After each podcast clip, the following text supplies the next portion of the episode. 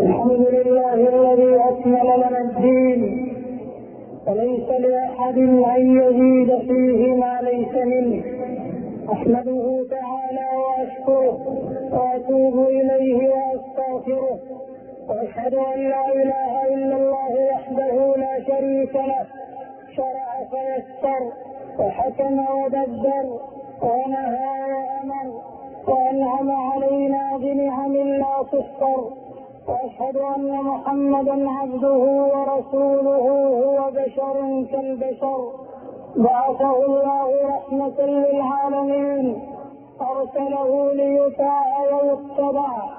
لا لتخالف سنته ويزاد فيها ويبتدع. فلا يصح ايمان عبد به حتى يطيعه فيما أمر ويصدقه فيما أخبر. ويجتنب ما عنه نهى وزجر من المعاصي والبدع الجالبة للخطر صلى الله عليه وعلى آله وصحبه الذين التزموا سنته ووقفوا عند هديه وسلم تسليما. أما بعد أيها المسلمون اتقوا الله تعالى واشكروه على ما من عليكم. إذ بعث فيكم رسولا من أنفسكم يتلو عليكم آياته ويزكيكم ويعلمكم الكتاب والحكمة فحققوا هذه النعمة باتباع سنة رسولكم صلى الله عليه وسلم والوقوف عند هديه وشريعته والبعد عما أحدثه أهل الأهواء من البدع التي ما أنزل الله بها من سلطان. إخوة الإسلام في كل مكان. وقد جاء الأمر بطاعة الرسول صلى الله عليه وسلم ولزوم سنته في آيات كثيرة من كتاب الله وأحاديث شريفة من سنة رسول الله صلى الله عليه وسلم. وكلها نصوص صريحة في وجوب طاعته واتباع سنته والتسليم له دون اعتراض وعدم الخروج على توجيهاته بأي حال. قال تعالى وما آتاكم الرسول فخذوه وما نهاكم عنه فانتهوا. وقال قل إن كنتم تحبون الله فاتبعوني يحببكم الله ويغفر لكم ذنوبكم وقال سبحانه محارعا محذرا من يخالف سنة رسوله فليحذر الذين يخالفون عن أمره أن تصيبهم فتنة أو يصيبهم عذاب أليم كما ذكرت سنة المصطفى صلى الله عليه وسلم بما يدل على وجوب طاعة الرسول واتباع السنة والتحذير من البدع في الدين.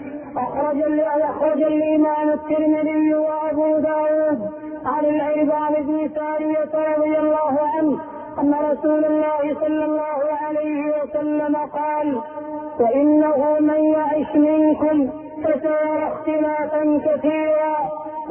فعليكم بسنتي وسنة الخلفاء الراشدين المهديين عضوا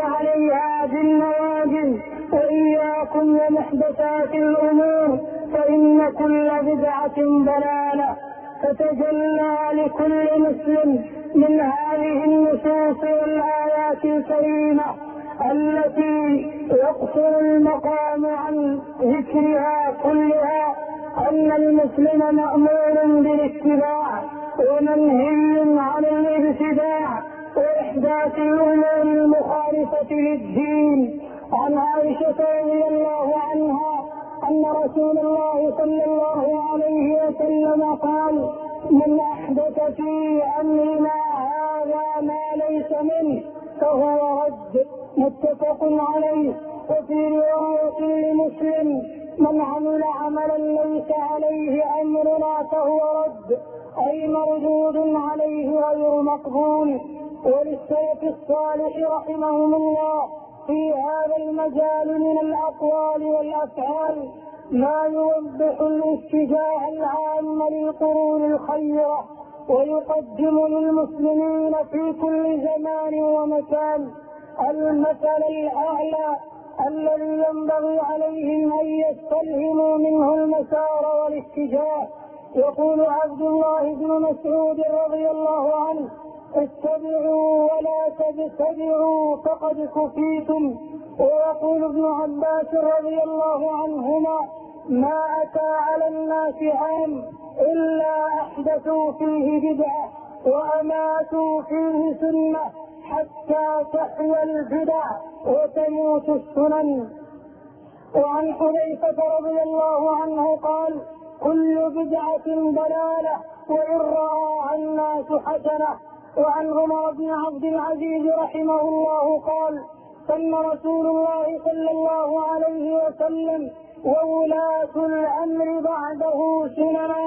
من عمل بها فهو مهتد ومن استنكر بها فهو منصور ومن خالفها اتبع غير سبيل المؤمنين. وولاه الله ما تولى وأصلاه جهنم وساءت مصيرا. وقال الإمام مالك رحمه الله لن يصلح آخر هذه الأمة إلا بما صلح به أولها. وقال بعض السلف الطرق كلها مسدودة على الخلق إلا على من اقتفى أثر الرسول عليه الصلاة والسلام.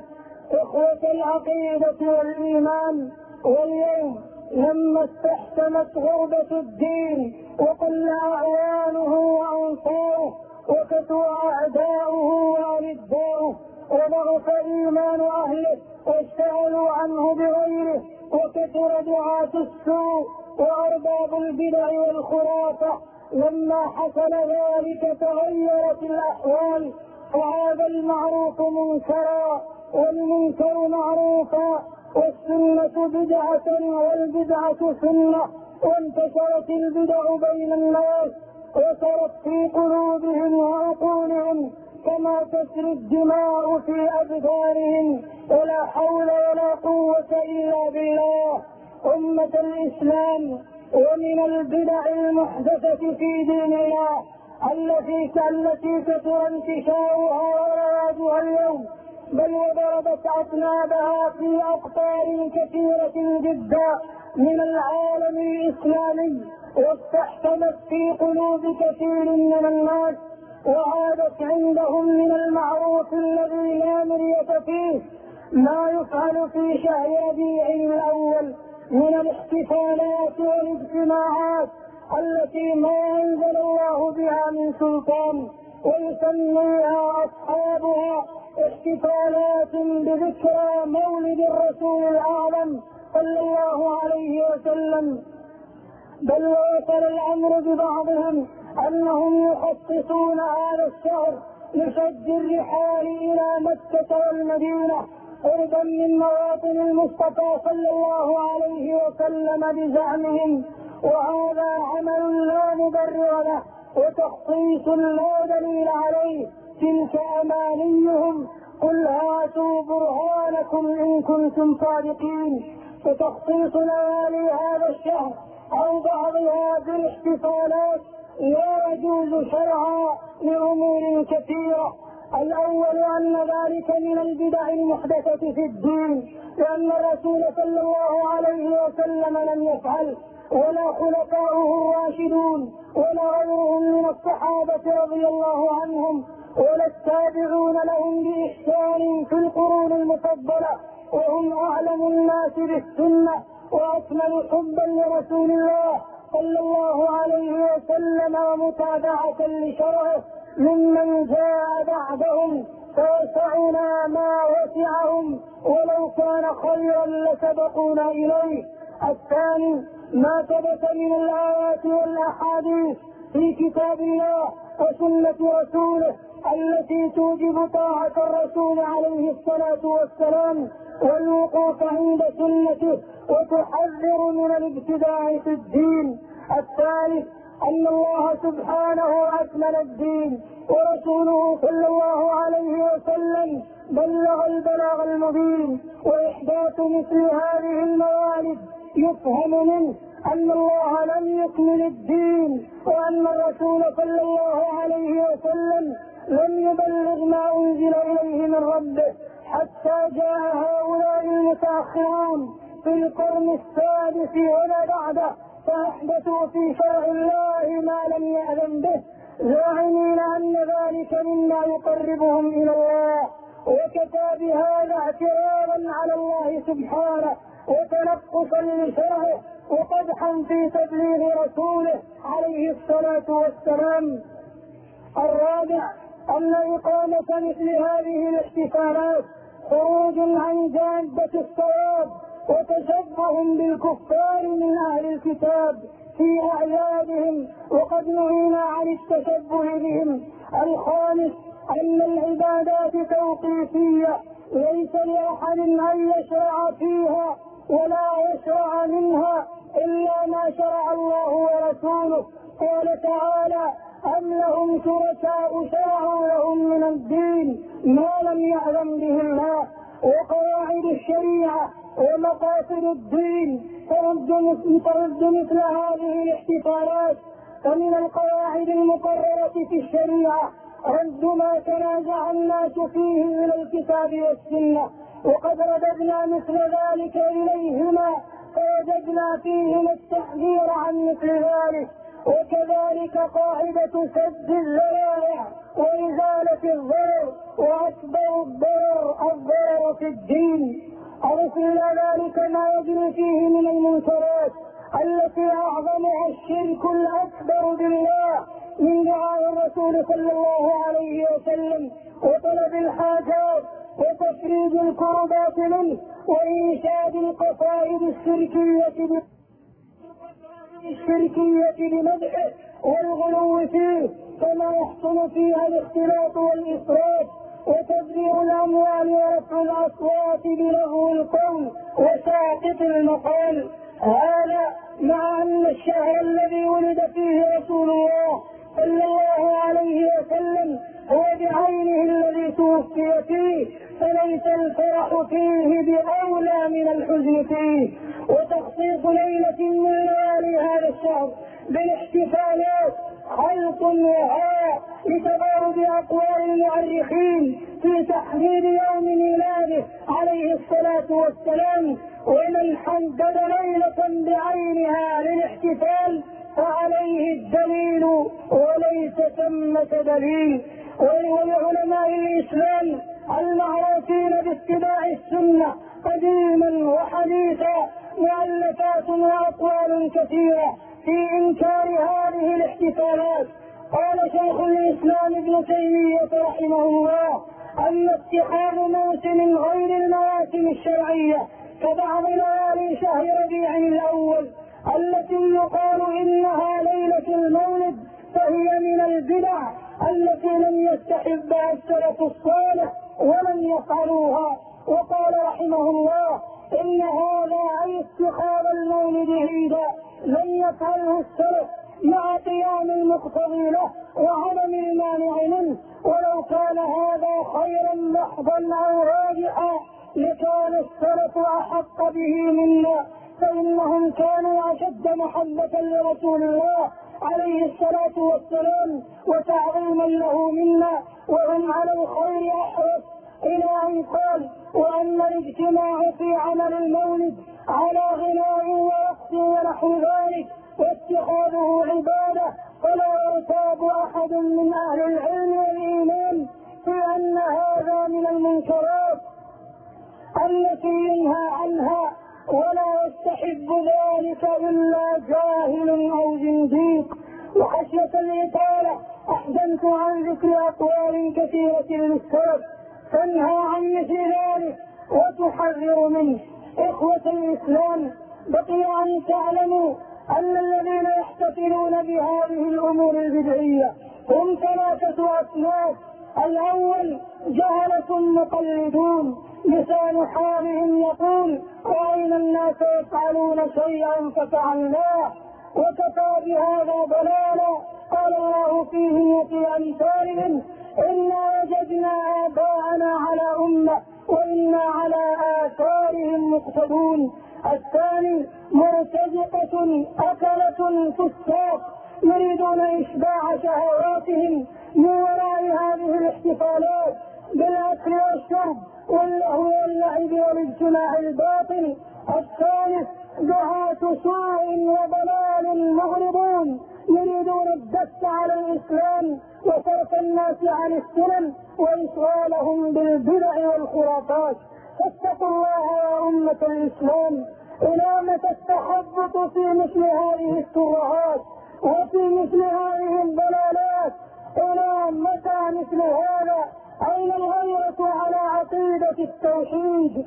أين الرغبة في التمسك بسنة المصطفى صلى الله عليه وسلم؟ إنا لله وإنا إليه راجعون. بدأ الإسلام غريبا وسيعود غريبا كما بدأ. فطوبى للغرباء. اللهم أصلح أحوال المسلمين. وارزقنا السير على سنة سيد المرسلين وجنبنا المعاصي والبدع في الدين. يا رب العالمين أقول قولي هذا وأستغفر الله لي ولكم ولجميع المسلمين فاستغفروه إنه هو الغفور الرحيم. الحمد لله الذي أمرنا بالاتباع ونهانا عن الابتداع وأشهد أن لا إله إلا الله وأشهد أن محمدا عبده ورسوله صلى الله عليه وعلى آله وصحبه ومن تمسك بسنته إلى يوم الدين. أما بعد أيها المسلمون اتقوا الله تعالى واعلموا أن الحق يعرف بالأدلة الشرعية لا بفعل الناس فلا تغتروا بكثرة من يفعل البدع والاحتفالات. فالله قد قال وإن تطع أكثر من في الأرض يضلوك عن سبيل الله. وقد زين الشيطان لأرباب هذه البدع شبهات يتبجحون بها ليلبسوا على العامة وقليل العلم. وهي في الحقيقة أوهام النفس العنكبوت. لمخالفتها النصوص الصريحة من الكتاب والسنة. فمن شبهاتهم زعمهم أن فعلهم هذا تعبير عن الحب لرسول الله صلى الله عليه وسلم والفرحة بذكرى مولده وأن من لم يفعل ذلك فلا يحب رسول الله. وتلك حجة واهية إن يتبع إن يتبع قائلوها إلا الظن وما تهوى الأنفس. فحب رسول الله صلى الله عليه وسلم إنما هو باتباع شرعه. ولزوم سنته لا بالاحتفالات البدعية المنكرة. قل إن كنتم تحبون الله فاتبعوني يحببكم الله ويغفر لكم ذنوبكم. ومن شبهاتهم أن هذه الاحتفالات بدعة حسنة وذلك قول باطل فإن كل بدعة ضلالة. ومن أين لهم من كتاب الله وسنة رسوله صلى الله عليه وسلم أن في الإسلام بدعة حسنة ومن شبهاتهم دعواهم أن الناس تعارفوا عليها وأصبحوا يفعلونها من غير نكير ويرد على ذلك بأننا لم نتعبد لأفعال الناس وعاداتهم المخالفة للدين وإنما تعبدنا بما دل عليه الدليل من كتاب الله وسنة رسوله ومن العجائب والغرائب أن الشيطان لعنه الله. قد زين هذه المنكرات لأصحابها ولعب بقلوبهم فطمسها عن قبول الحق وجعلهم ينشطون ويجتهدون في حضور هذه الاحتفالات ويتعصبون لها ويدافعون عنها ويتهجمون على من أنكرها. وربما تركوا كثيرا من الواجبات الشرعية ولا يرفعون بذلك رأسا ولا شك أن ذلك من قلة البصيرة في الدين ومن الجهل المبين. ومن ذلك أن بعضهم يظن أن رسول الله صلى الله عليه وسلم يحضر بدعهم ولهذا يقومون له محيين ومرحبين. وهذا من أبطل الباطل واقبح الجهل والعياذ بالله. أيها المسلمون في كل مكان بهذه الأدلة الناصعة وهذه الردود الواضحة يتجلى لنا تعافس هذه البدع ودحضها وتسليلها ويتبين لمن له أدنى بصيرة وإنصاف واتباع للحق أنها من الخطأ في دين الله وأنها من الأمور المبتدعة ولم يبق إلا أن ننادي المسلمين من هذه البقعة المباركة براءة للذمة وإبلاغا للأمة أن يتقوا الله في أنفسهم وأن يتركوا مثل هذه الأفعال إننا نناديهم نداء العطف والإشفاق والخوف عليهم من عذاب الله يوم يقفون بين يديه ويبوءون بأحمالهم وأثقالهم وأثقالا مع أثقالهم.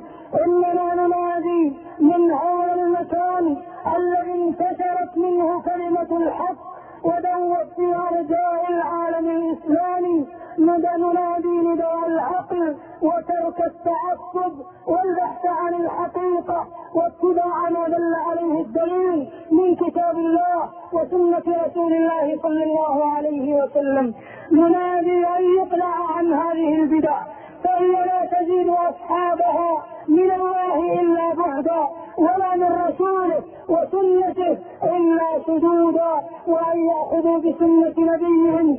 فلطالما شوه الإسلام النافع بهذه الاحتفالات والشكليات التافهة التي شوهت جمال الإسلام وشوهت كماله وجوهره. إنه نداء منه التجرد عن التعصب والهوى والبحث عن الحق. قل هاتوا برهانكم إن كنتم صادقين فإن لم يستجيبوا لك فاعلم أنما يتبعون أهواءهم ومن أضل ممن اتبع هواه بغير هدى من الله. إن الله لا يهدي القوم الظالمين. ألا وصلوا على النبي الأمي كما أمركم الله بالصلاة والسلام عليه. صلوا عليه صلاة بألسنتكم وقلوبكم. صلوا عليه صلاة المتبع له المستن بسنته. إن الله وملائكته يصلون على النبي. يا أيها الذين آمنوا صلوا عليه وسلموا تسليما. اللهم صل وسلم وبارك على نبينا محمد وارض اللهم عن خلفائه الراشدين وعن الصحابة والتابعين ومن تبعهم بإحسان إلى يوم الدين. اللهم ارض عنا معهم برحمتك يا أرحم الراحمين. اللهم أعز الإسلام والمسلمين. اللهم أعز الإسلام والمسلمين وأذل الشرك والمشركين ودمر أعداء الدين يا رب العالمين. اللهم اجعل هذا البلد آمنا مطمئنا وسائر بلاد المسلمين. اللهم وفقنا تأمرنا بما يرضيك. اللهم احفظ إمام المسلمين بحفظك واجعله بعنايتك ورعايتك اللهم أمنه بتأمينك وأعل به دينك وأعل به كتاب الله. وسنة رسوله صلى الله عليه وسلم. اللهم وفقنا كأمور المسلمين في كل مكان. إلى العودة الصادقة إلى الدين القويم يا رب العالمين. ربنا ظلمنا أنفسنا وإن لم تغفر لنا وترحمنا لنكونن من الخاسرين. اللهم انصر المجاهدين في سبيلك في كل مكان يا رب العالمين. ربنا آتنا في الدنيا حسنة وفي الآخرة حسنة وقنا عذاب النار. عباد الله إن الله يأمر بالعدل والإحسان وإيتاء ذي القربى وينهى عن الفحشاء والمنكر والبغي. يعظكم لعلكم تذكرون اذكروا الله يذكركم واذكروه على نعمه يزدكم ولذكر الله أكبر والله يعلم ما تصنعون.